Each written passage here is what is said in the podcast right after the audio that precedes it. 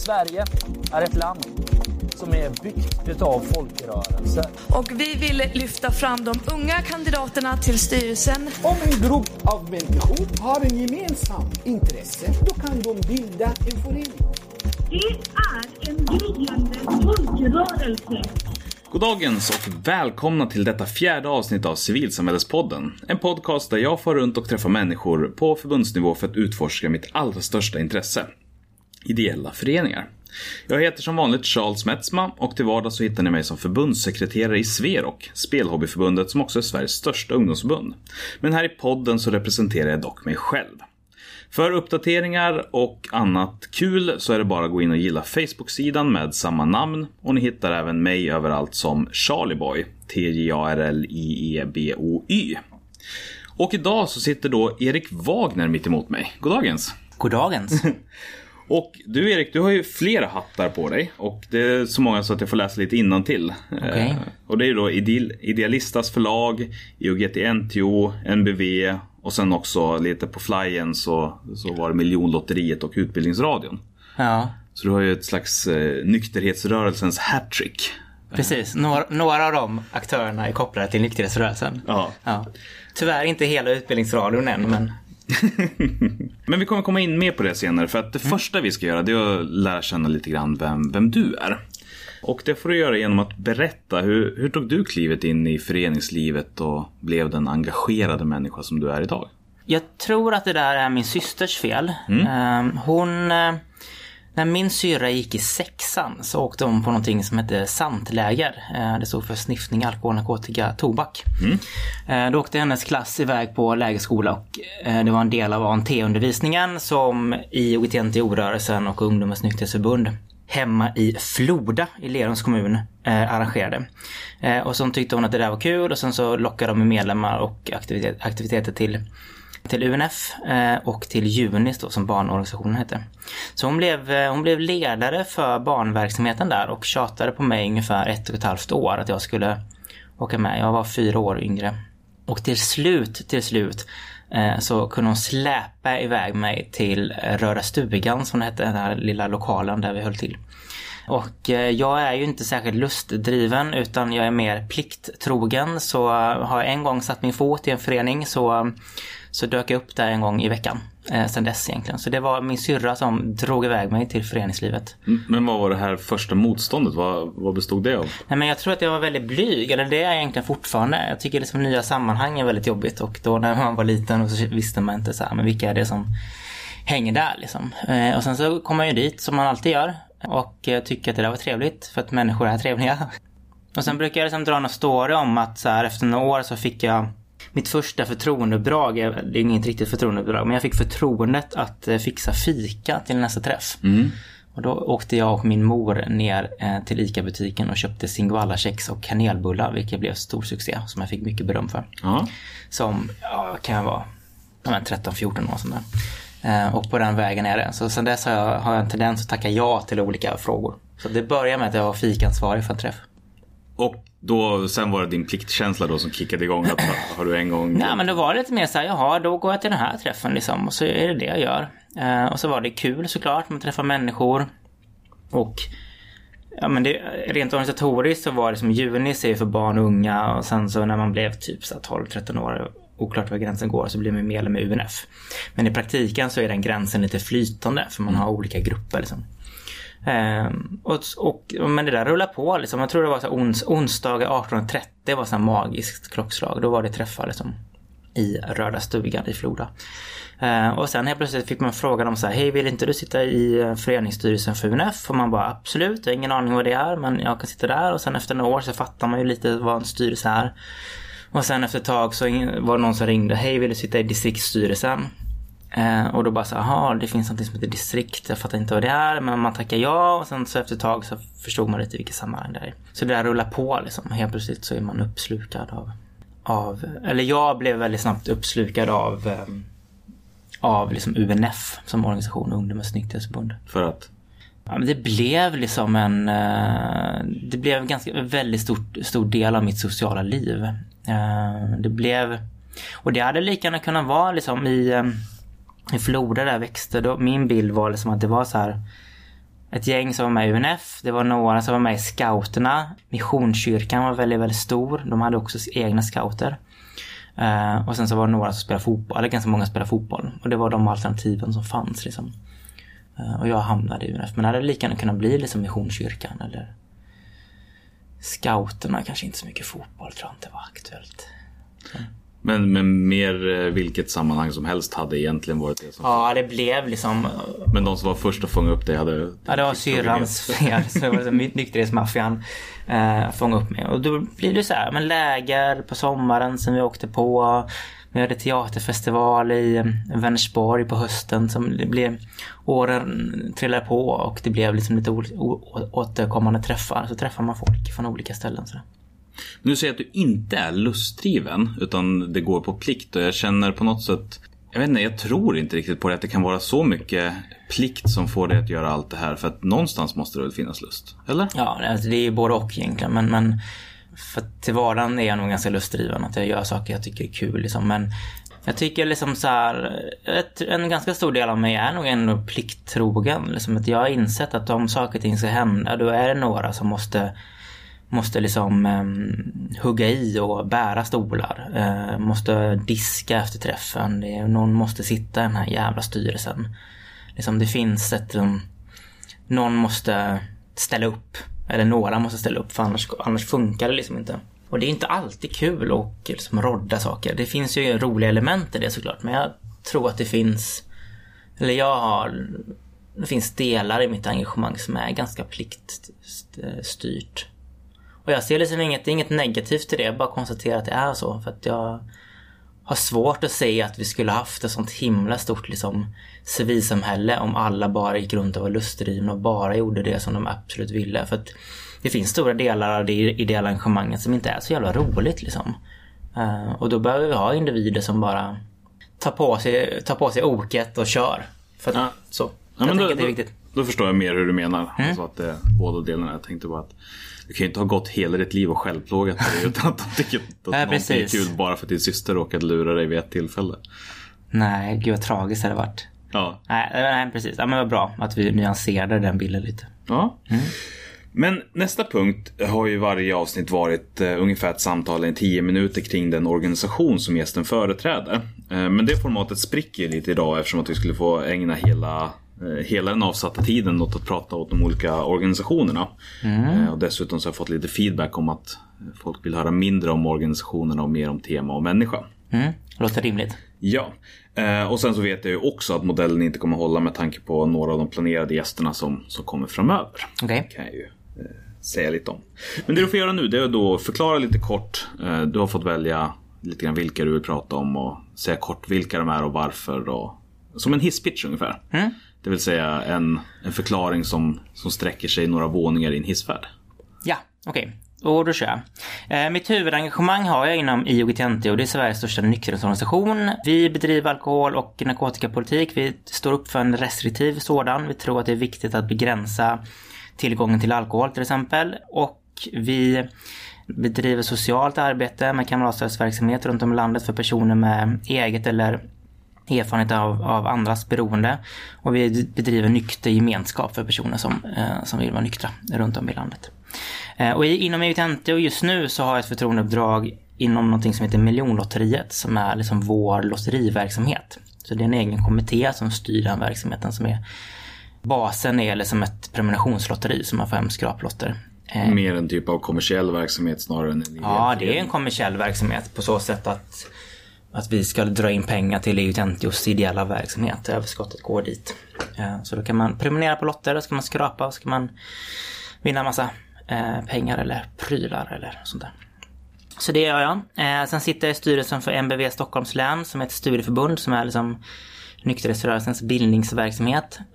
Så där sitter jag sen ett år tillbaka, vilket är väldigt roligt. Och det jag gör nu på dagarna är att jag tillsammans med några stycken driver då Idealistas förlag. Som är ett bokförlag, först och främst, som ger ut böcker för sådana som dig och mig och eh, säkert några av dem som lyssnar på den här podden. Alltså ledare inom föreningslivet och det civila samhället. Managementlitteratur kan man säga, fast för föreningsnördar och ledare istället för eh, VDR och annat. Vad det är? Det, det tycker jag var fantastiskt sammanfattat. eh, Har jag missat något? Utbildningsradion pratade du inte om, som nämndes tidigare. Nej just det, jag har förmånen att sitta i styrelsen för Utbildningsradion vilket är väldigt, väldigt roligt. Jag har suttit där ett år. Det är ju ett av de tre mm, statliga public service-bolagen då, bredvid SVT och Sveriges Radio. Så Utbildningsradions uppdrag är att, att komplettera utbildningssektorn tror jag det står i något regleringsbrev. Så det är väldigt brett. Fokus ligger, eller prioriterad målgrupp är egentligen eh, förskola och grundskola och gymnasiet och komplettera den formella utbildningsverksamheten. Eh, men har också ett uppdrag att vara en resurs för folkbildningen och eh, det fria föreningslivet. Så UR producerar ju men hur mycket material och ja, poddar och eh, tv-program och annat som finns. Och det, det allra, allra mesta finns eh, tillgängligt för svenskt föreningsliv och folkbildning att ta del av. Så det är väldigt, väldigt roligt.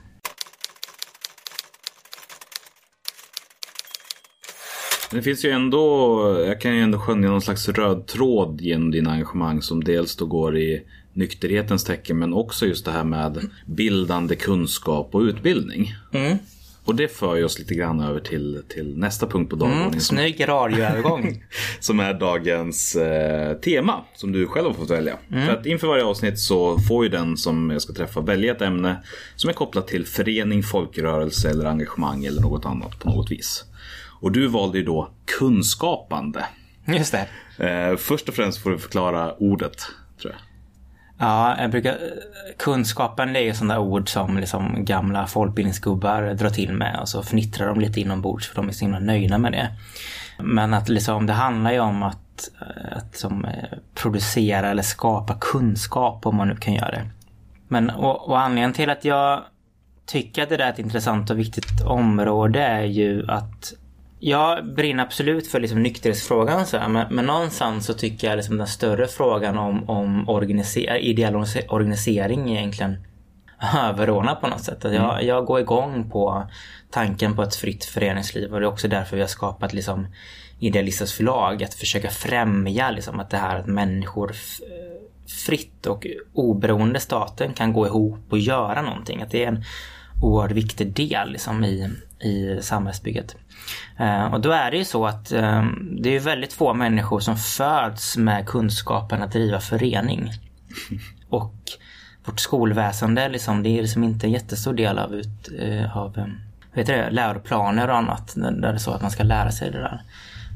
Så att är man, är man liksom samhällsintresserad eller intresserad av en meningsfull fritid eller vad det nu kan vara så behöver man lära sig en del nycklar eh, för att kunna vara med och skapa sin förening eller utveckla sin förening eller det sammanhanget man, man har fastnat i. Och, och då finns det liksom då har vi i Sverige lyxen att ha ett gäng eh, studieförbund. Nu har jag tappat bort hur många de är. De blir bara fler och fler. 11 kanske? 9? 13 typ. 13. Vill jag säga. Kul! Men jag kan ha fel där också. Fler och fler. Ibn Rushd och... Eh, Kulturen är de senaste. ja, precis. Och frågan är hur många de var innan dess då. Ja. Men det är ett gäng i alla fall. Men, men studieförbunden är egentligen den, den struktur som vi har, eh, infrastruktur som vi har för att liksom främja ett starkt föreningsliv. Jag skulle önska att det fanns eh, fler och starkare aktörer kring det där men eh, jag tror ju att det handlar om att, att ge människor verktyg för att eh, ja, kunna liksom organisera sig på det sättet som de önskar. Eh, och det bör man få av andra människor som har gjort liknande saker. Så. Eh, och om, om man till slut får lite baskunskaper så, eh, så kan man också lära sig liksom att bryta mot, mot normerna liksom, och hitta på nya saker. Men det, det är väldigt, väldigt svårt att bara rakt upp och ner alltså, utan någon tidigare erfarenhet bara sätta igång och köra. Helt enkelt. Så i begreppet kunskapande lägger vi då dels den mellanmänskliga kontakten och överföring till kunskap. Men också liksom, material som finns tillgängligt för var och en att ta till sig på egen hand. Ja, ja men ja, precis. Ehm, verkligen. Ehm, och det där är ju... ehm, frågan är vilken, vilken, vilken ända vi ska börja egentligen. Men det där är ju intressant. Jag såg en fantastisk YouTube-film om, om en ung eh, tjej som hade lärt sig dansa. Nu kommer jag inte ihåg vilken danssort det var. Men hon hade lärt sig dansa bara genom att titta på YouTube-filmer. Och det var liksom så här ja, men tårdrypande musik och, och väldigt snyggt. Och, och det är häftigt liksom att så här, med dagens teknik så kan man ju som lära sig eh, på egen hand.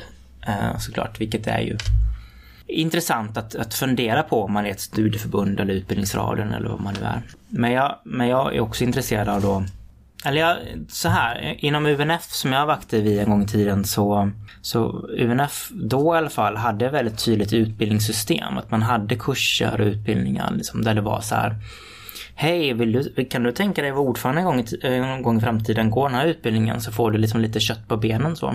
Och dels så tror jag att på de utbildningarna så, så fick ju deltagarna Ja men dels lite verktyg. Eh, men framförallt så så tror jag att två saker hände. Det ena var att det knöts ett starkare band mellan individen och organisationen. Det var ett tillfälle där man eh, jag vet inte om det finns, liksom, vad är det positiva ordet för hjärntvättning?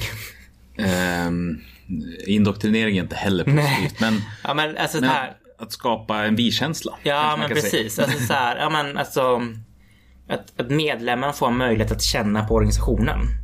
Om man nu ska vända på Mm. det positivt. Och liksom, nu är vi här en helg och det är en UNF-helg och det är liksom från fredag till söndag får man möjlighet att träffa andra UNF-are och det kommer vara några som föreläser eller workshoppar kring vad UNF är. Och då får jag som, som ny medlem till exempel lära mig vad det är och så får jag känna, hör jag hemma här eller hör jag inte hemma här och hur ska jag förhålla mig till det? Inte bara ren kunskap kring så här, så här håller du ett möte utan även då alltså fostrandet av en internkultur. Ja, men både och. Och där, och där tycker jag liksom att om man går över lite kort och pratar om så här kulturledarskap och sådana saker så är ju utbildningar eller, liksom bild, eller lärmiljöer är ju liksom ett av de bästa tillfällena för att liksom forma en kultur eller åt bägge håll såklart. Det är inte bara så här är vi. Eh, utan det blir ju ett givande tagande från deltagarna också. Ja, det blir ju ett vi som skapas gemensamt. Ja, och någonstans måste organisationen också sätta ner foten och säga så här, men vad är vi för någonting och vad är det vi accepterar inom ramen för den här organisationen? Så, så ja, och, och det tror jag är viktigt att liksom, det skapar en starkare relation mellan medlemmen och organisationen. Och sen så tror jag att de här utbildningarna är ju någonting som blir lite eh, som stärker medlemmarnas eh, självförtroende. Det är klart att så här, har jag gått en utbildning i hur man är en ordförande i de bästa världar så ska jag gå hem därifrån och känna så här. Ja men shit, jag borde nog faktiskt tacka ja om jag får frågan någon gång. Alltså så här, man blir lite stärkt. Eller kanske till och med söka mig till det. Ja, precis. Och det, och det tycker jag är viktigt. Eh, Och det är också viktigt att organisationer ja, man formulerar den interna kunskapen och, och funderar på så här, men vad är det vi vad är det vi kan och hur, hur vill vi driva vår verksamhet? Och det kan man paketera i utbildningsmaterial eller i utbildningar eller sådana saker. Men nu när du pratar så låter det ändå som att eh, både IOGT, NTO och UNF har liksom ett väldigt aktivt arbete kring att skapa en infrastruktur för att kunskapa, om vi nu ska använda det ordet. Hur ser den ut då och på vilket sätt tar det sig uttryck mer än det sagt? Ja, det där är intressant för att och då, jag slutade ju vara aktiv i UNF runt ja, men 2005, 2004. Så det är ganska länge sedan. Så så jag vet, ju, jag vet ju lite grann om dagens UNF. Så det här får ju bli liksom UNF då. Och så får dagens UNF berätta om, om sin organisation. Men då hade vi ett ganska tydligt ett utbildningssystem eh, med, eh, vi hade någonting som hette så UNF 1 och UNF 2 eh, och det var liksom så här att var man nyvärvad medlem så var liksom budskapet till medlem var så här Hej! Fan vad roligt att du är medlem. Om tre veckor har vi en UNF 1 Du förväntas gå på den. Kom, det blir kul. Så. Ehm, och då blev ju den här första kursen blev ju ett tillfälle, då, det var ju som inte bara föreläsningar, föreläsningar rakt upp och ner utan man gjorde aktiviteter och sådär. Och det blev, när det fungerade, ett väldigt bra tillfälle för den nya medlemmen att, att känna på organisationen.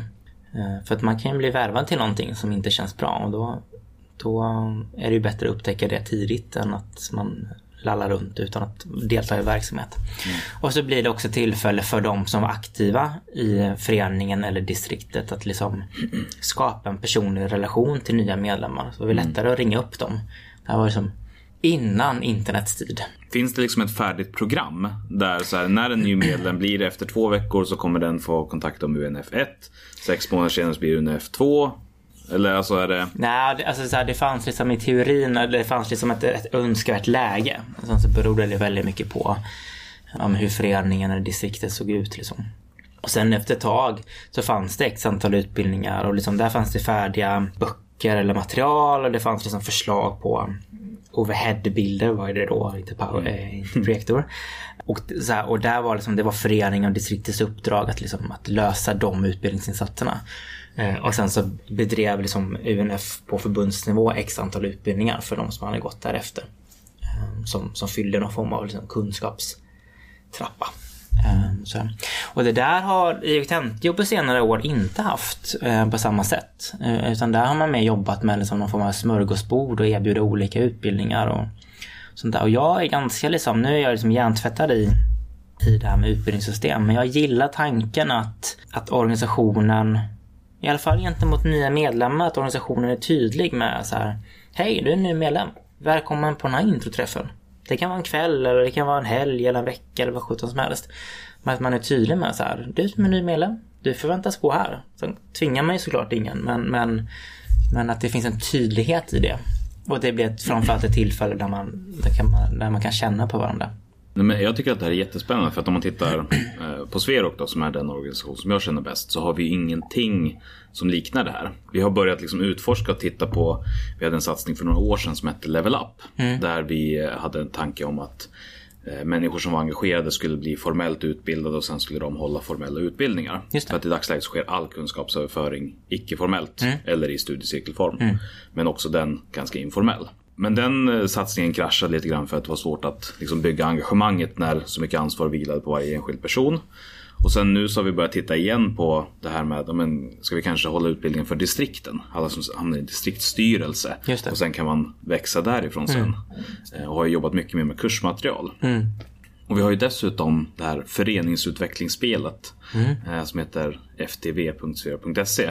Där alla föreningar kan logga in och sen så får man utföra uppdrag och levlar och tävla mot varandra i, i föreningsutveckling. Så att det finns ju, men det är ganska fragmenterat och jag har alltid varit lite avundsjuk på det här när det finns sådana tydliga steg som man kan välja att gå.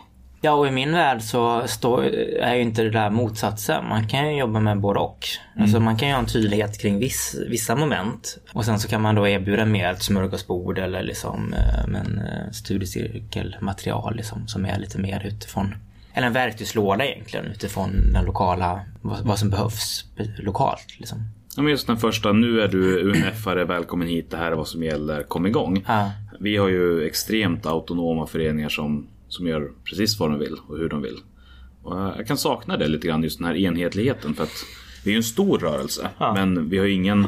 Jag brukar jämföra det med just att scouterna. Där är du alltid scout i första hand. Du heter liksom Mm. Scout. det. Ja. Sen är du eventuellt din patrull och sen så i tredje hand kanske du är knyppla och...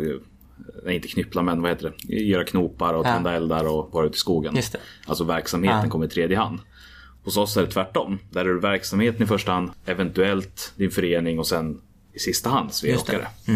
Nej men det är klart att utbildningen blir ju ett väldigt tydligt sätt att bygga liksom en kultur om man nu vill det. Alltså så här, det finns ju en... I ert fall så tänker jag att det finns en enorm potential i liksom att den, alltså den identiteten finns lokalt. Eh, och det är den lokala verksamheten hos er som är den primära och den kan växa dynamiskt och sen så kan man några stycken hos era medlemmar adderar man på en Sverok identitet men långt ifrån hos alla. Eh, Men vill man prä, eh, prägla alla i Sverok-andan. Ja. För det där, är, det där är nackdelen tycker jag liksom, med utbildningssystem också. Liksom. jag, jag fick ju uppdrag när jag jobbade på IOGT-NTO att, att ta fram ett ehm, koncept kring så här som vi kallar för shift i slutändan. För det handlar om så här, framtidens ledare inom IOGT-NTO. Mm. Som var liksom en engångs, eller de gjorde några år men det var tre träffar. Och shift eh, hette vi för att om man, man trycker på shift så händer det ju någonting. Det blir någon förändring liksom. I, eh, och då vår tes var att det händer någonting i samhället som vi måste ta reda på. Det händer någonting inom EU-Tentio och det kommer hända någonting med deltagarna som går. Budskapet var så här, hej vill du ta ansvar för ditt EU-Tentio, framtidens EU-Tentio, gå här liksom. Eh, och, då, och då funderar jag jättemycket kring det som så här att just ett utbildningssystem eller en utbildning kan ju också vara ett sätt att liksom forma människor i samma fack. Att förstöra det vackra med likriktning. Ja, ja men precis. Alltså, här, om man nu har, om man nu ska ha utbildningssystem i syfte att utveckla organisationen eh, så kan man ju antingen säga så här, så här ska vi göra framöver nu, 15 år. Och sen så ställer man, man formar sina soldater i stridbart skick liksom, och så får de göra det som överheten säger. Liksom. Eh, eller i vårt fall så jobbar vi, försökte vi jobba ganska mycket med att liksom, säga så här att budskapet var att men framtidens IOT-NTO vet vi väldigt lite om. Eh, men om ni är personer som säger att ni vill ta ett steg framåt så kommer ni göra ett vägval om kanske 5-10 år som formar framtidens IOT-NTO. Det vet inte vi i dagsläget. Så då jobbar man ju mycket med scenariopedagogik eh, och liksom försökte vrida vänner på olika sätt. För det blir ju liksom för vi såg ett behov att vi behövde liksom få fram ja, men modiga liksom, och politiska ledare som står upp för någonting och driver på det i sina föreningar eller sina distrikt eller i förbundsstyrelsen. Så ni hade ändå en väldigt tydlig bild av, alltså inte bara vilken typ av kunskap ni ville förmedla utan också vilken typ av medlem ni ville skapa? Alltså, Ja, inte men exakt... både, och, både och. Liksom, Att vi ville liksom få fram eh, människor, eller medlemmar som, eh, ja, men som ville något.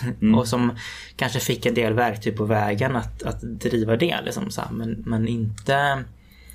eh, Och det där blir liksom en eh, avvägning. Att vi ville inte att... eh, Men vi ville liksom inte stöpa dem i en och samma form. Och det här var ungefär samtidigt som jag vet att arbetarrörelsen drog igång det här Bommersvik-akademin. Mm. Som var en ganska stor satsning. Jag tror att de... Typ så här, jag har ingen aning, det här kanske är helt på men jag fick för mig att det var totalt 500 deltagare under ett gäng år. Var satsningen liksom. Och det var också så här med framtidens ledare inom, inom arbetarrörelsen. Och hur gör man det utan att liksom stöpa dem verkligen i samma form liksom. Eh, Jag blir imponerad av när de kraftsamlar eh, kring det där. Liksom. Så det, och det där är ju liksom både vår utbildning och även deras. Det är ju såklart en ganska elitistisk liksom, in, utbildningsinsats som, som kanske inte är man så pass stor som Sverok är och även som är ja, men, eh, EUT-NTO och till viss del även UNF. Så klart att då måste man ha utbildningssystem som, som, som stärker ledare lokalt också. Och, och metoder för det. Så att det blir en dynamisk utveckling. Men nu har vi pratat mycket om det interna kunskapandet. Det finns ju också en hel omvärld som, som bidrar med kompetens och kunskap och liknande. Hur, hur har ni arbetat med externt kunskapande? Eller vad har du för tankar kring det? Mm, alltså så här, jag, jag har ju tillsammans med min kompanjon Gabriel Erling startat Idealistas förlag just för att vi, vi tror att det finns liksom kunskap som är ganska generell för svenskt föreningsliv eller civilsamhället i stort. Och jag går igång på tanken att, att just mötet mellan organisationer, för man behöver få perspektiv från andra. För att man, det är ganska enkelt att att man blir lite intern och, man, och det väcks liksom eh, ganska starka borden och idéer om hur man löser saker och ting. Liksom. Och alla de utmaningar och problem som, som den ena organisationen ställs inför är samma problem som den andra organisationen ställs inför. Eh, så det finns ett berikande i att, liksom, att möta andra organisationer och det finns ett jättestort poäng med att plocka in externa personer också. Jag är jätteofta ute och föreläser om massa olika saker. Eh, framförallt kring ledarskap och engagemang och sådär. Eh, Och det har sitt värde för att det kommer någon utifrån. Eh, Så det vill jag verkligen slå ett slag för. Och framförallt i UTNT tror jag använder det ganska mycket. Och jag misstänker att det där sker inom till exempel LSU och LSUs medlemsorganisationer. Att man, man hoppar lite fram och tillbaka och gör insatser på en massa olika utbildningar och sånt där. Just för att få externa perspektiv. LSU ska jag bara säga då om det är någon som inte vet det är Landsrådet för Sveriges ungdomsföreningar. Som då är Ungdomsorganisationer. ungdomsorganisationer. Som är en paraplyorganisation för alla ungdomsförbunden.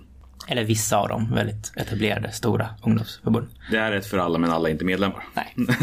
så att, så att jag tycker det här med liksom extern, eller det som vi försöker göra på Idealistas är ju att försöka liksom paketera någon form av sektorsövergripande liksom kunskaper och sånt där. Sen är ju civilsamhället stort och brett och ser väldigt många olika ut så det är ju inte alltid våra böcker går hand i handske med den specifika organisationen. Men vi tror att det är viktigt att man får fram ja, men, förebilder eller individer som våra författare ofta är, som har gjort någonting, som tycker någonting, som har någon modell för hur de arbetar och då kan man som förenings och organisationsaktiv eh, lyssna till det och läsa våra böcker och fundera på så här, har det här någonting med min organisation att göra? Och ibland har det det och då kan man sno det bästa och ibland så kan man bli stärkt i sin egen bild. Av, ja men så här gör de genom Friskis och Svettis. Det gör inte vi, för vi är så här. Och så blir man stärkt i det. Alltså där, att spegla sig själv, sin egen organisation i andra, det tror jag är väldigt, väldigt viktigt. Men det blir ju liksom, och det kan man göra såklart på om man är aktiv i lokalförening och distriktsnivå och sådana saker också. Eh, men det blir liksom ett, ett steg högre upp efter när man varit aktiv i en organisation några år så kan det bli aktuellt för att man vill ha andra perspektiv och man kanske börjar ifrågasätta hur den egna organisationen fungerar. Och det står heller inte i kontrast med liksom det interna arbetet. Jag tycker ibland att jag ser organisationer som är liksom lite ängsliga i, nu kommer jag gå tillbaka till det interna perspektivet. Självklart. Och liksom, eh, sådär. Jag tycker ibland att jag ser organisationer som är ängsliga i sin egen kompetens och sin egen erfarenhet. Att man hela tiden plockar in externa föreläsare. Och nu är ju skolan en organisation som är ganska intern på så sätt. Att man liksom använder medlemmar i att undervisa, eller undervisa, eller skola och föreläsa för andra medlemmar. Och det är ett lärande i sig också. Jag brukar alltid säga att att om man inte kan någonting så ska man alltid föreläsa om det. För att i föreläsandet så, så lär man sig själv väldigt mycket. Så det finns en poäng med att sätta någon ny medlem. Hej, prata om alkoholpolitik för det här gänget. Och de bara, vi kan ingenting om alkoholpolitik. Bara, jo, du kan massa och du kan också läsa på och du kan föreläsa om det. Så kör. Och så blir man stärkt. Eh, det finns liksom en ängslig, ängslighet i att hela tiden liksom lyfta upp det, den externa kunskapen istället för att se att så här, men vi, vi, vi kan jävligt mycket internt. Så jag vill inte att liksom Idealistas verksamhet ska på något sätt Eh, som konkurrerar med interna utbildningsmaterial och sånt. Det är en del stora etablerade organisationer tar ju fram interna utbildningsmaterial som är specifika för sin organisation. Och det tror jag är jätteviktigt. Sen kan vi eventuellt komplettera dem med liksom ett externt perspektiv eller ett eh, annat. Ja, men fundamentalism är ju... Jag har än så länge inte stött på ett exempel där det har varit bra. Nej. Och det blir det ju inte oavsett då om man vänder sig bara till den externa och liksom är ängslig över sitt Nej. eget och inte klarar av någonting.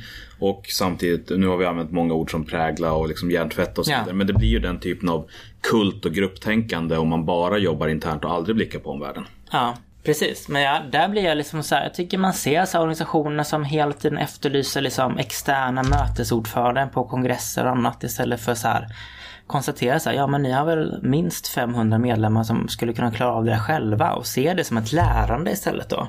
Eller vi behöver någon extern person som pratar om det här, bara, ja men ni har väl det inom era egna led. Eh, och att se själva liksom utbildningen som en, en lärandeprocess för den individen.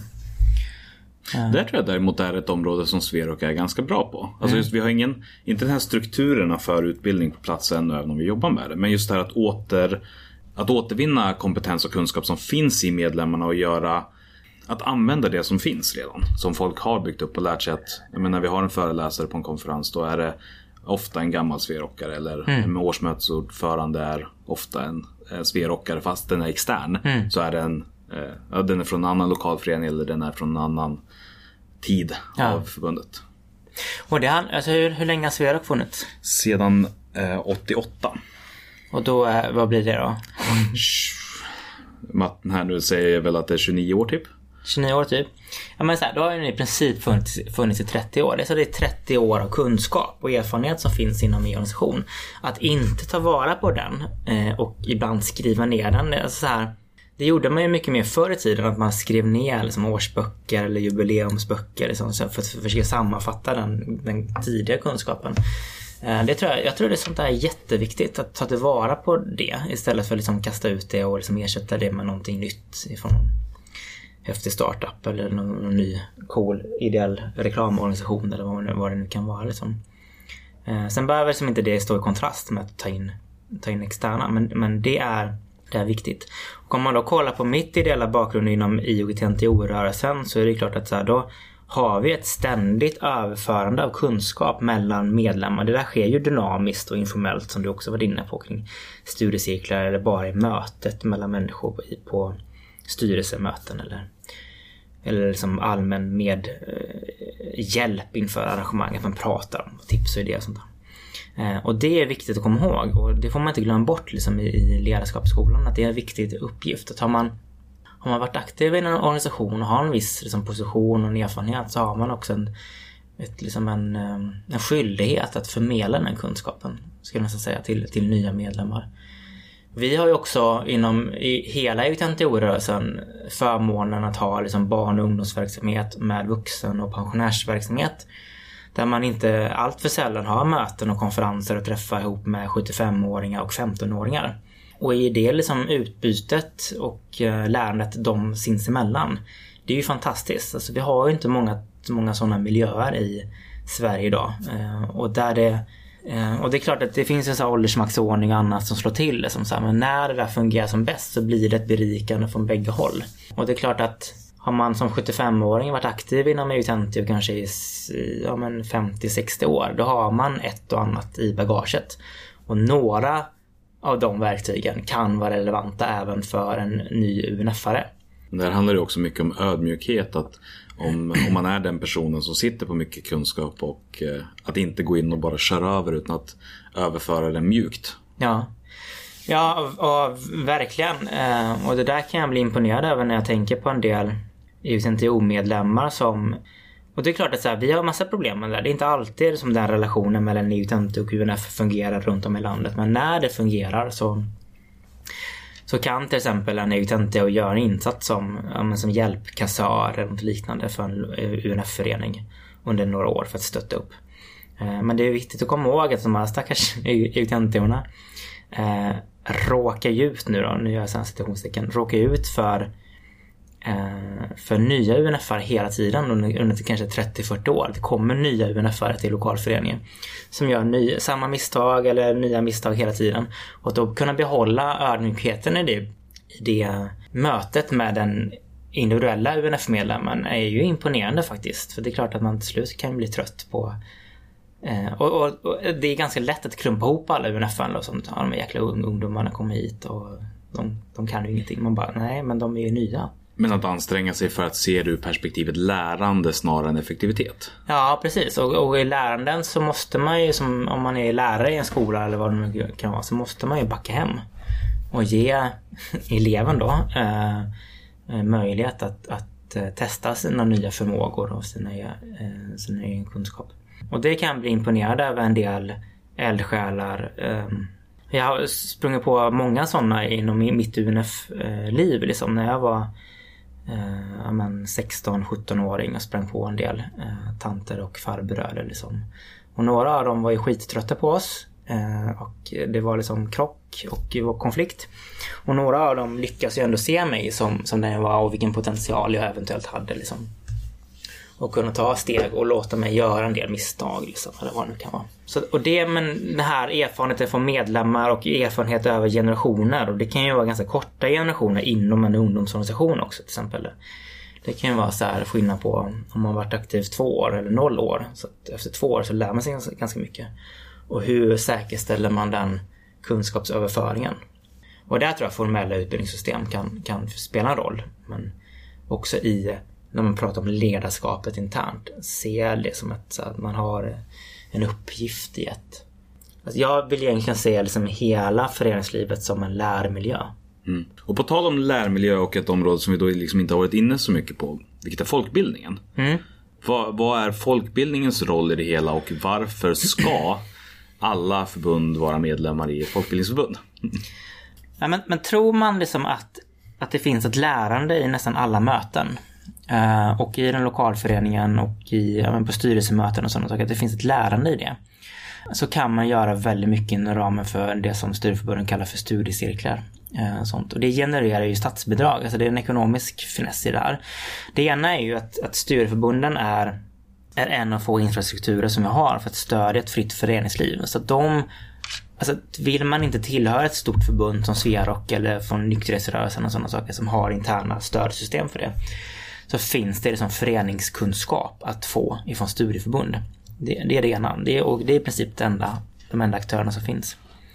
Ja, det är ju det enda sättet för många, framförallt vuxenorganisationer också, att få ett stöd som man inte fixar själv, men ett stöd från staten. Ja, Uh, precis, och det stödet kan ju vara liksom att man får kunskap, man kan få material eller man kan få hjälp eller lokaler eller vad det nu kan vara. Sånt där. Eh, så jag skulle säga att tror man liksom på någon form av folkrörelselärande, det vill säga att alla medlemmar behöver lära sig en, rad olika saker och att det är inte bara ledarna som ska utbildas utan det är så här, det finns en poäng med att utbilda alla till utbilda alla till ledare till exempel eh, i, i studiecirkelverksamhet. Eh, då tror jag det finns en stor poäng att, att knyta sig till ett studieförbund. För då får man sån grundläggande föreningskunskap på ett ganska eh, enkelt sätt via studiecirklar eller föreläsningar eller vad det nu kan vara. Ja, så det är ett sätt att komma åt kompetens och resurser väldigt krasst. Så det, det är på något sätt ett mellanting mellan en extern och intern aktör? Eller? Ja, alltså studieförbunden kan ju agera på lite olika sätt. Alltså dels kan, de har ju ett kontaktnät eh, lokalt och regionalt där man kan hitta andra personer om man är ute efter extern kompetens till exempel. Om man är helt nystartad. Sådär. Eh, men så framförallt så får man ju verktyg och metoder för att stärka sig själva. Alltså det är många som ser folkbildningen som, heter han Freire, den här eh, eh, pedagogik för utsatta eller förtryckta. Alltså så här, det blir ett sätt att för gruppen att stärka sig själva. I folkbildningen, i, i det fria samtalet som bygger väldigt mycket på, på den kunskapen som finns i gruppen. Så blir man stärkt i det eh, och man får nya verktyg och man lär av varandra. Så folkbildning är ju dels en metod tycker jag, liksom kring studiecirkel och kulturarrangemang och allt vad det heter. Men det är ju den formella, formella delen av folkbildningen. Den andra delen är ju nästan liksom någon form av ledarskapsideal. Att man tror på, på folkbildning och man tror på individer och att, att människor sitter på kunskap och samtalets makt liksom. Eh, I att stärka och just överföra erfarenheter. Och I senaste numret av Courage, som är en tidning som vi ger ut här på Idealista, så har jag en fantastisk text ifrån en kvinna som är aktiv inom bilkåren. Som pratar väldigt mycket om det numret har, har temat humor och hon pratar väldigt mycket om skrönor egentligen och att skrönor inom organisationer där man så här berättar om dråpliga saker som händer på massa olika utbildningar och sådana saker. Att skrönorna blir ett sätt liksom att, att överföra kunskap och erfarenhet. Och där bilkåren är ju roligt för att är, är det någonting som går snett när man har med stora lastbilar att göra så blir det ofta ganska stora problem. Man kan köra in olika vallar och Ja, Jag läste den artikeln. Jag tyckte den var väldigt intressant och väldigt re- relevant för, för dagens samtal. Just Ja. det här att det är så mycket som är kunskapsöverförande som man inte tänker på som kunskapsöverförande. Nej.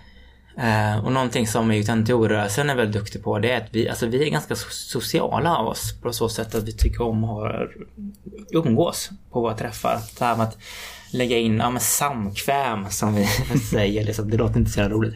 Men lägga in liksom, sociala aktiviteter under en utbildningspass eh, är viktigt också för det blir ett sätt för människor att reflektera.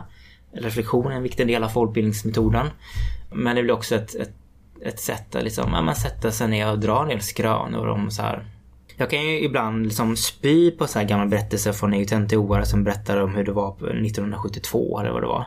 Men det finns någonting lärande i de, berättande, i de berättelserna också. Alltså man lär sig någonting av historien eller av deras erfarenheter. Liksom sånt där. Har du någon sån berättelse som sitter djupt rotad i dig? som du vill dela med dig av? Nej, jag vet inte om det är en bra berättelse. Ofta så tycker jag man, man, man tänker tillbaka på det här med människor som vill förhäva liksom, hur, hur mycket hur bättre det var förr. Liksom.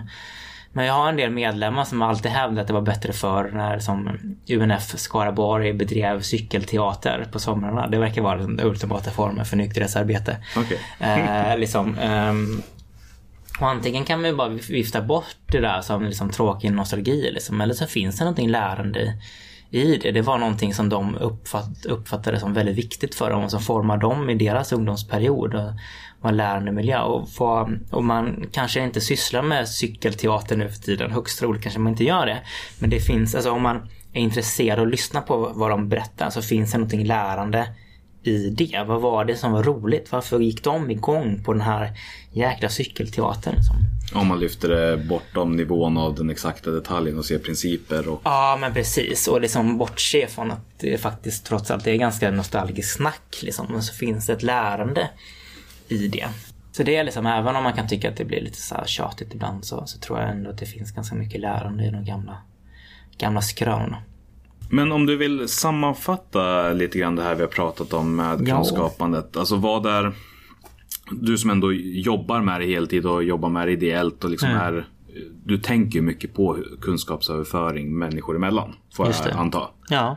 Har du någon sån här sammantagen klokskap mer än det här samtalet hittills?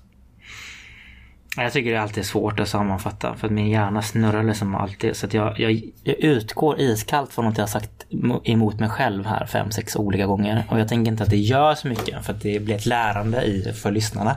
Att Man bara säger, men Erik sa det här, sen sa han det här, det stämmer inte. Nej men bra, då får ni reflektera över det. Du uppmuntrar till kritiskt tänkande. Verkligen, verkligen. Man ska absolut inte lyssna på någon. Eh, jo, man ska det, men man ska, alltid, man ska liksom vara kritisk till det. Uh, nej, men för mig tycker jag... Jag tycker att, att lärande och ledarskap går hand i hand. Jag tycker att folk borde fundera ganska mycket uh, kring det. Att ledarskap handlar ju väldigt mycket om att stärka andra, att få andra människor att liksom våga ta steget och göra olika saker. Och det kan man göra på massa olika sätt. Men en del människor kommer gå igång på att man arrangerar utbildningar och säger att man man blir liksom certifierad eller man får ett diplom där det står att jag kan massa saker. Det är, bara det kanske stärker en del människor. Eh, och en del människor går mer igång på liksom det individuella samtalet och peptalken liksom, eller löpande feedback eller vad det nu kan vara. Men att se liksom eh, ja, men se sin organisation utifrån lärande som begrepp tror jag kan vara intressant för alla ledare att fundera på. Alltså vilka strukturer har vi för, för lärande? Vilka tillfällen skapar vi lärande? Och hur kan vi liksom hur kan vi boosta det? Hur kan vi stärka lärandet? Och kanske också mana till reflektion just kring att, eh, att ens verksamhet är så mycket mer än verksamheten. Alltså utifrån det större perspektivet där som du var inne på tidigare. Mm. Att, det är, att hela folkrörelsen egentligen bara handlar om att stärka människor. Ja men verkligen. Alltså så här, eh, vision handlar ju om att eh, vår, vår, vårt mål är liksom att, att alla människor ska ha ett rikt och eh, ett fritt och rikt liv. Eh, så, sen så ser vi alkohol och narkotika som ett hinder för det. Men det handlar också om att ge människor att ge människor verktyg att göra det de vill och, och att de inte ska känna sig så begränsade av osäkerhet eller normer eller vad det nu kan vara. Det finns ju massa som händer, saker som, som begränsar oss människor. Det finns ju så här gamla folkbildningsideal som handlar om att, som har uttryck som säger att folkbildningen eh, skapar hela människor. Eh, och det är liksom lite otäcka, otäckt uttryck där men det handlar om att så här, i, i folkbildningen, i samtal med andra, i, i den här interaktionen som föreningslivet gör så får vi massa färdigheter på köpet som gör att vi utvecklas till då tankarna om hela människan. Ja, eh, och det kanske man inte ska liksom använda de begreppen idag. Liksom. Men det handlar om att utveckla människor till dess fulla potential eller ehm, om vi nu har några som helst begränsningar, vad vet jag. Men, men att se människor som, som lärande djur som kan liksom, som lära sig saker. Och det pågår ju liksom hela tiden. Hela livet lär vi oss saker.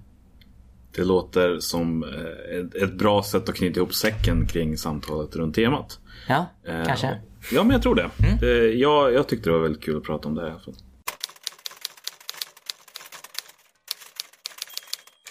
I vanliga fall när temat är eh, färdigt och avklarat så brukar vi gå direkt på det här avslutande. Men just idag så är det faktiskt så att jag vill slänga in en liten extra grej.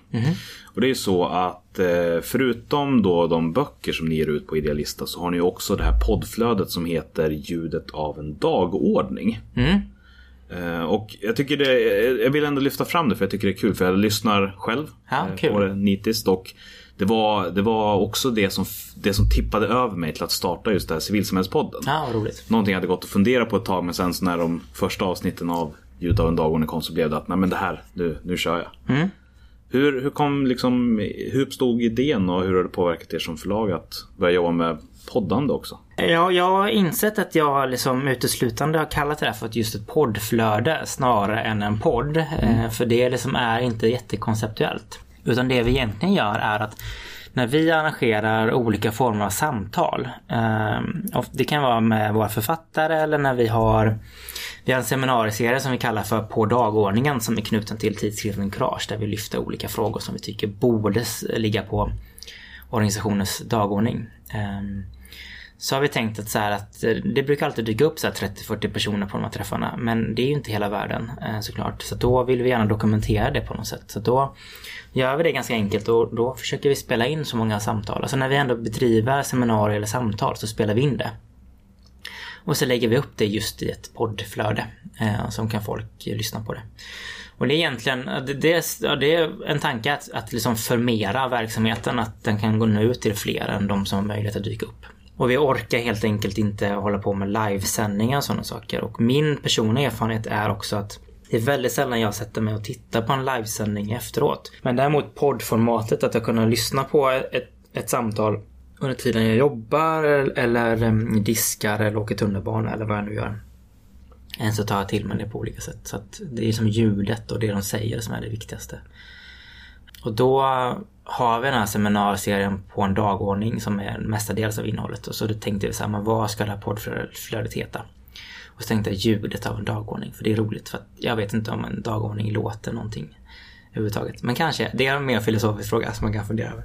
Jag, jag tyckte om den filosofiska vinkeln Mm. i alla fall. Ja. Men, men har det påverkat liksom deltagarantalet någonting eller har det bara gjort att ni når ut till fler? Eller har det liksom minskat det fysiska deltagandet också? Nej, eh, verkligen inte. Eh, inte som vi kan se i alla fall. Eh, det vi märker är att, att, och då kan ju de här eh, avsnitten handla om väldigt, väldigt olika ämnen ifrån så här kompetensbaserad rekrytering till mm, ja, men eventuell regionsindelning till eh, hur det är att vara chef i en ideell organisation eller sådär. Och då märker vi att, att en del eh, som jag misstänker att du kanske är, kanske lyssnar på, på rubbet. Eh, när det kommer ett nytt avsnitt så, så lyssnar man.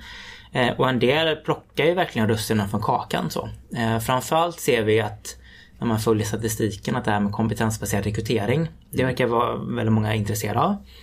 Och sen även regionsindelningen. Nu är den frågan rätt död rätt politiskt.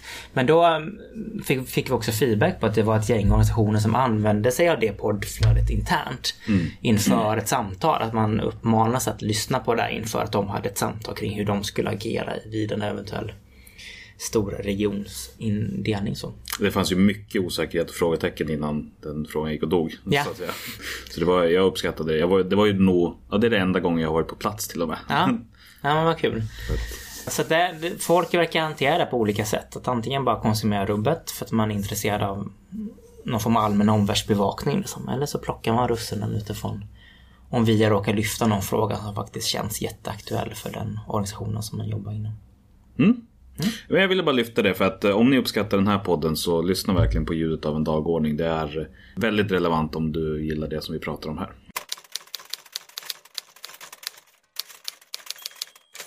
Då går vi in på det avslutande avsnittet. Och det är ju då där du får chansen att dela med dig av eh, personliga erfarenheter som är kopplat till ditt engagemang i föreningar. Eh, och tanken är då att du ska berätta om något som du eller din organisation har lyckats bra med, en framgång, eh, och något som inte gick fullt så bra. Eh, allt ifrån någonting som var lite utmanande till rakt av ett misslyckande. Och det kan ju förstås vara historiskt eller någonting som händer i detta nu och du får själv välja vilken av dem du vill börja med. Ja du, då tänker jag mig att ett eventuellt misslyckande eller så här, någonting som jag i efterhand har liksom um, lite ångrat så här. Jag jobbade under en period eh, som förbundssekreterare på Rädda Barnens ungdomsförbund. Precis efter mitt UNF-engagemang så, så jag jobbade två år som ja, kanslichef kan man säga. De var jättenystartade. Och det här blir det som återigen en berättelse om, om dåtidens eh, RBUF. Jag vet ganska lite om dagens RBUF. Men, och de var ganska nystartade. Eh, och jag, jag eh, vet att vi fick loss pengar och kunde anställa eh, en person. Eh, och jag... Det är en väldigt konkret grej men, men, de, de hade liksom typ så här, kanske sex stycken lokalföreningar eller lokalgrupper tror jag det kallas för. Eh, Och jag, jag eh, ångrar att vi inte satte full fart på att bygga organisation. Att det fanns liksom, det fanns en sån här, folk var jättepepp, jättemånga medlemmar var pepp på att det här hyfsat nybildade organisationen, jag tror den har funnits kanske tre år. Eh, och de hade i mina, i mina ögon ganska få liksom, lokalföreningar eller lokalgrupper. Och jag ångrar att vi, jag som eh, förbundssekreterare och vi som, eller så här, och ihop med förbundsstyrelsen inte snackar ihop oss och göra en plan i att, att bygga organisation. Att verkligen liksom, vi hade kunnat sätta en plan. För vi hade resurserna, vi hade kunnat knyta till oss ett studieförbund, att stärka upp med de resurserna och den kompetensen. Att, alltså under några år kunna starta så här 50 lokalföreningar. Vi hade, vi hade de resurserna om vi hade liksom kunnat peka, peka rätt. Men vad var det som gjorde att du inte gjorde det? Var det att du inte såg det då eller var det att jag tror inte att jag såg den möjligheten då eh, och att det fanns en, liksom- jag kom ju jag kom ju från UNF som hade liksom en annan organisationskultur och tyckte RBUF var väldigt häftigt för de ville ju bygga någonting annat. De slets också ganska mycket då i alla fall med att hur mycket man ska anpassa sig till statsbidraget till exempel. För de hade en delvis en annan idé om hur man ville organisera sig lokalt och till viss del även eh, nationellt. Och värdera andra engagemangsformer än den regelrätta lokalföreningen. Och jag tror att den kulturen och de idéerna tror jag skymde också i sikten lite för det. Eh, men jag tror att jag tror att om man som organisation får loss resurser i att, att faktiskt bygga organisation. För det en del lokalföreningar kan ju vara bestående kanske bara ett halvår och sånt där. Men en del kan ju verkligen vara stora. Alltså så här, att bygga en infrastruktur. Och våga tänka stort i, i det lokala arbetet. Och liksom våga spänna vågen och säga så här, om, om fem år så kan vi vara 50-60 lokalföreningar. Det är inte svårt, vi kan göra det. Och hitta metoder för det. Det, det jag tror, det är inte säkert det hade gått igenom med RBUF. Jag, så, men jag, jag tänker att jag tror att om jag hade gjort det så hade RBUF varit en annan organisation idag. Men vad var det du hade gjort annorlunda idag då? Med den, den lärdomen? Jag hade lagt fram det förslaget och drivit den linjen hårdare som anställd. Och eh, haft sådana samtal med min dåvarande förbundsstyrelse i ett så här. Eh, för jag tror att jag har lärt mig att någon behöver liksom måla upp en bild av en vision som är görbar. För vi, vi begränsar oss ganska mycket i så här, vad, är, vad är möjligt. Ja, men inom mitt förtroendeuppdrag inom MBV nu i, här i Stockholm så har vi sagt att så här, på fyra år ska vi fördubbla verksamheten. För det är fullt möjligt. Men man får ju jobba häcken av sig. Men det är fullt möjligt att göra det.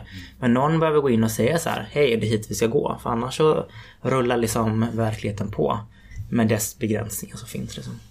Men det där är ju spännande. Det är ju ett helt avsnitt i sig. Vem är det som ska äga visionen? Är det anställda eller är det förtroendevalda? Och... Ja, och jag tycker att det där blir ett samspel. För det är klart att sitter man i den operativa verksamheten så har man en viss överblick. Och kan man då liksom peka på så här, jag ser att vi har möjlighet att göra det här. Så är det klart att då är det de förtroendevalda som får, får, som får ta ställning till det. Om inte de vill det. Om de har någon annan idé om vart organisationen ska gå på, då får man ju backa. Som anställd såklart. Men jag vill backa tillbaka lite grann då. Mm. Eftersom att du sa att men idag så hade du agerat annorlunda. Du hade lagt fram förslaget och Ja. liksom, försökt pusha det hårdare. Ja. Men det du sa var ju också det att du inte såg den möjligheten. Ja. Finns det någonting i, det, i hur du arbetar annorlunda för att mer aktivt upptäcka det du inte ser? Ja, men jag inser att jag nästan allting jag gör, jag ihop med andra människor. Och nätverkar och får ihop människor. Det, det tror jag är bra, för då får man andra människors perspektiv. Och det är ju för att slå slag för den här externa kunskapen, eller de externa ögonen. Att det där är så himla viktigt. Egentligen tycker jag att um, det kan finnas en jättebra poäng med att uh, ta in konsulter och sådana saker om man har de pengarna. Men med, jag tror också man kan jobba med ideella konsulter. Att det kan vara ett lärande i sig. Att man plockar in företrädare från andra organisationer. Att någon ifrån Vi Unga kommer in i Sverok och leker konsult åt er. Och så kommer ni till Vi Unga och leker konsult. Och det tror jag skulle uppstå ett enormt liksom, lärande om man skulle liksom få nya perspektiv. För ibland behöver man någon utifrån. Men sen handlar det här handlar om erfarenhet och mm, jag var ju ganska liksom ny som chef, eller det var mitt första chefsuppdrag. Det är liksom första gången som jag var liksom riktigt ansvarig för en budget på det sättet. Liksom så här. Och jag har lärt mig om mer om ekonomistyrning och vad man kan göra, hur man kan liksom rikta resurser och nå resultat. Och skriva projektplaner för att systematiskt följa upp och liksom öka tempot i olika saker. Så generellt eh, arbeta aktivt för att inte bli navelskåden. Liksom bredda, lyfta blicken. Ja. Om man ska använda floskler. Ja. Eh, Men också att det är någonting som kommer med tiden. Ja, och, och liksom, jag tror att det hade jag i och för sig då, på den tiden. Men jag tror att men, alltså jag älskar mentorskap som, som metod. Att jag skulle uppmana alla att ska, skaffa sig en mentor. Och jag skulle uppmana alla att vara mentor också. För att det är också ett jäkla lärande. Att ha en person som man träffar hyfsat regelbundet som inte är en del av sin befintliga, befintliga verksamhet. Men genom samtal lär sig verksamheten och kan vara den här yttre faktorn som, som bara pekar på, kan vi inte, det skulle ju kunna vara det här. Eh, Sen får ju personen, adepten får ju landa i om det där är bra eller inte. Men ibland behöver man ha någon stollig person som säger så här, hej, ni skulle faktiskt kunna vara det här. Liksom. Nej, det, jag håller verkligen med. Men eh, vad har du för framgång att bjuda på? Får jag ta Idealistas? Självklart, Ja, du får ta vad du vill. Eh, nej men jag är ganska nöjd med att eh, jag och Gabriel startade Idealistas för, för fem år sedan. Och inte minst kring tidskriften Courage. Det är många som har bidragit med den. Eh, inte minst sektor 3 när det fanns en gång i tiden. Med ett gäng organisationer och även individer som brinner för tidskriften. Men jag, jag tror att det finns något väldigt det finns något, något stärkande i att försöka skapa en sektorsidentitet. Att det finns människor som är väldigt aktiva och dedikerade till sin organisation men ändå känner att de finns i ett ännu större sammanhang. Ehm, alltså, du pratade tidigare om så här men är lokalföreningar, då kanske man har sin identitet där. Eh, och sen på sikt så blir man, har man Sverok identitet. Och så finns det några inom Sverok som dessutom har någon form av civilsamhällsidentitet. Eller först kanske kommer ungdomsrörelseidentitet och sen kommer civilsamhället stort och sådana saker. Och det finns, det, det skapar gemenskap och det skapar också möjlighet att få de här liksom eh, Beäglingarna speglingarna i andra. Och jag tycker liksom att vi, nu har vi producerat ja, men 11 böcker och en del av våra, eller många av våra författare är ute och föreläser liksom och blir ju förebilder eller liksom driver en linje som, som organisationsföreträdare utsätts för och tvingas liksom förhålla sig till. För, till så här. Eh, om man är chef inom idéorganisationer, ja, men högst troligt så kanske man har idéburen chef på sitt skrivbord. Så kan man bläddra lite i den och få en del nyckel. Eh, Eller en del verktyg och en del saker kan man förkasta för man vill göra det på sitt sätt. Eh, Men det där är liksom viktigt och jag vill... eh, Jag tycker det är roligt att vi, att vi fortfarande finns efter fem år, att verksamheten går bra och att vi har möjlighet att ge ut böcker på uppdrag eller liksom finansiera egna böcker som vi tycker finns.